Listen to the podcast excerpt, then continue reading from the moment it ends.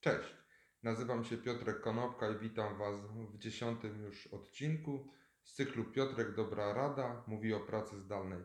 Dzisiaj powiem trochę o zaufaniu i o tym, jak się pracuje, czy jak należy kontrolować pracowników pracujących zdalnie. Jak wyglądała praca stacjonarna do tej pory? Przychodziliśmy do pracy, siadaliśmy przy biurku i szef patrząc ze swojego boksa, ze swojego pokoju na open space czy na pokój, w którym się pracowało, przyjmował, że ci pracownicy, którzy są obecni, pracują i najczęściej zakładał, ponieważ nikt nigdy w życiu go tego nie nauczył, i najczęściej zakładał, że ci, których nie ma przy biurkach, po prostu nie pracują.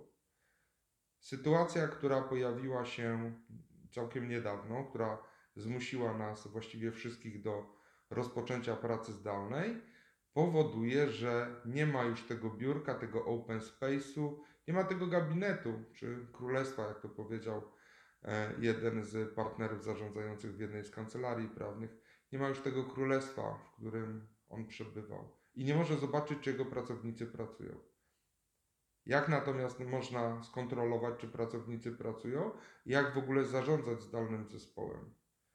Warto wprowadzić pewnego, pewnego rodzaju schematy, pewnego rodzaju procesy czy nawyki, które powodują, że z ludźmi będziemy rozmawiać bardzo regularnie.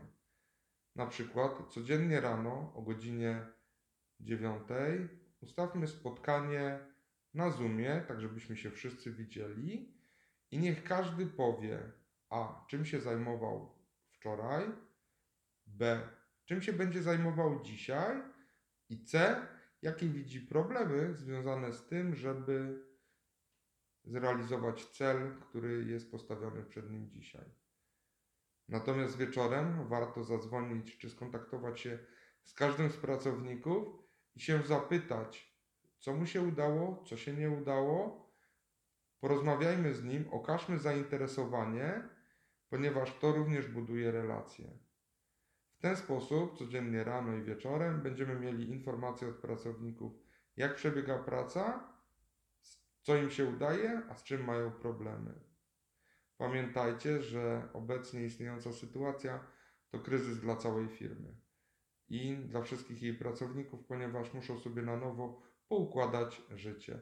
Także codzienne spotkania na Zoomie rano i codzienne rozmowy jeden na jeden już po południu na koniec pracy.